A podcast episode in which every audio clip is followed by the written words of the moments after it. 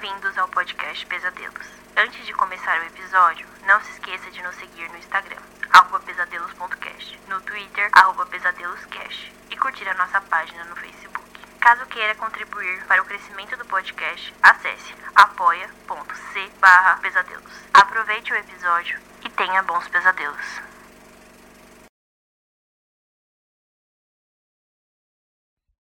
Oiva, lenda japonesa, baseado em uma história real, adaptada por William Camargo.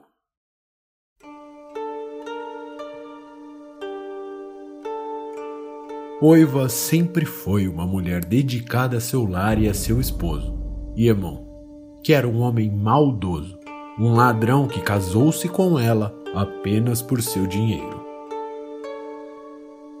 O casamento não ia nada bem brigas constantes e quase sempre Emon dormia fora. Oiva, apesar de ter uma doença desconhecida, sempre cuidou de sua casa e dos afazeres domésticos na esperança de que Emon não a abandonasse. Não haveria desonra maior para sua família. Na casa ao lado havia um viúvo, vizinho do casal. Este possuía uma filha que estava quase na idade de se casar e o viúvo sempre gostou muito de Emon. Obviamente não o conhecia bem. Sabendo da doença de Oiva, o viúvo tramou um plano cruel. Disse conhecer um remédio milagroso para a doença de Oiva, mas na verdade preparou um veneno forte e entregou para a pobre mulher que o tomou. O veneno destruiu seu rosto, deixando-a desfigurada e causando repulsa e ódio em Iemon. Mas não foi vingança que Iemon buscou, pois assim que chegou na casa do vizinho, o homem ofereceu a mão de sua filha, uma jovem rica e bonita.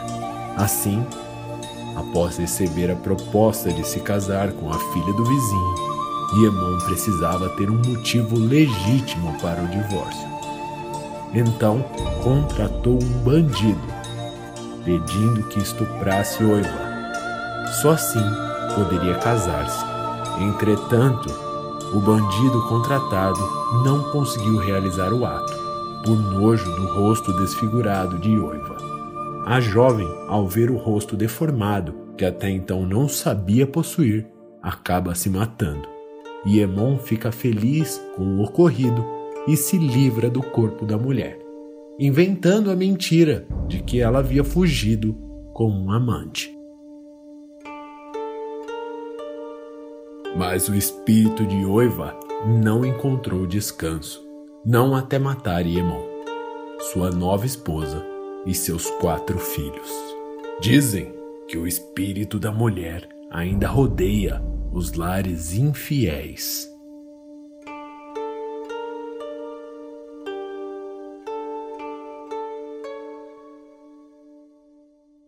Ona Takashi ou Takaona, lenda japonesa adaptada por William Camargo. Takaona é uma lenda japonesa muito antiga que conta sobre uma mulher alta e assustadora que pode assumir uma forma enorme e horrenda. A lenda diz que o motivo da existência desse ser é o ciúme pelo prazer físico que não pôde ter quando era viva. Por não serem bonitas, não conseguiam casar e nem mesmo trabalhar como prostitutas. Dessa forma, elas se tornam seres corrompidos por seus desejos reprimidos e viram monstros feios e maliciosos. Apesar de não serem perigosas, as Takaona atacam a energia sexual dos outros, algo muito comum dentro da religião no Japão, onde acreditava-se que a mulher no ato sexual roubava e esgotava a energia do homem. Acredita-se também que o sexo com uma mulher era algo impuro para os monges. Por isso, durante um longo tempo na história japonesa, o sexo homossexual, seja nos monastérios ou nos palácios, era incentivado e celebrado.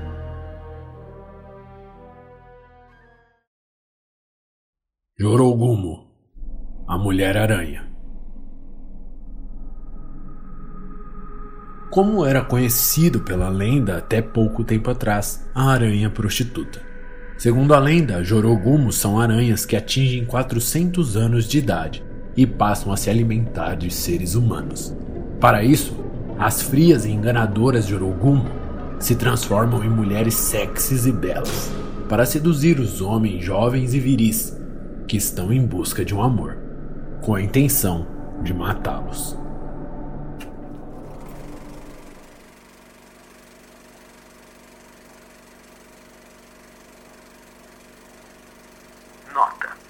conto é baseado em uma história real que data de 1636 e retrata o cenário machista vivido por muitas mulheres em seus lares japoneses.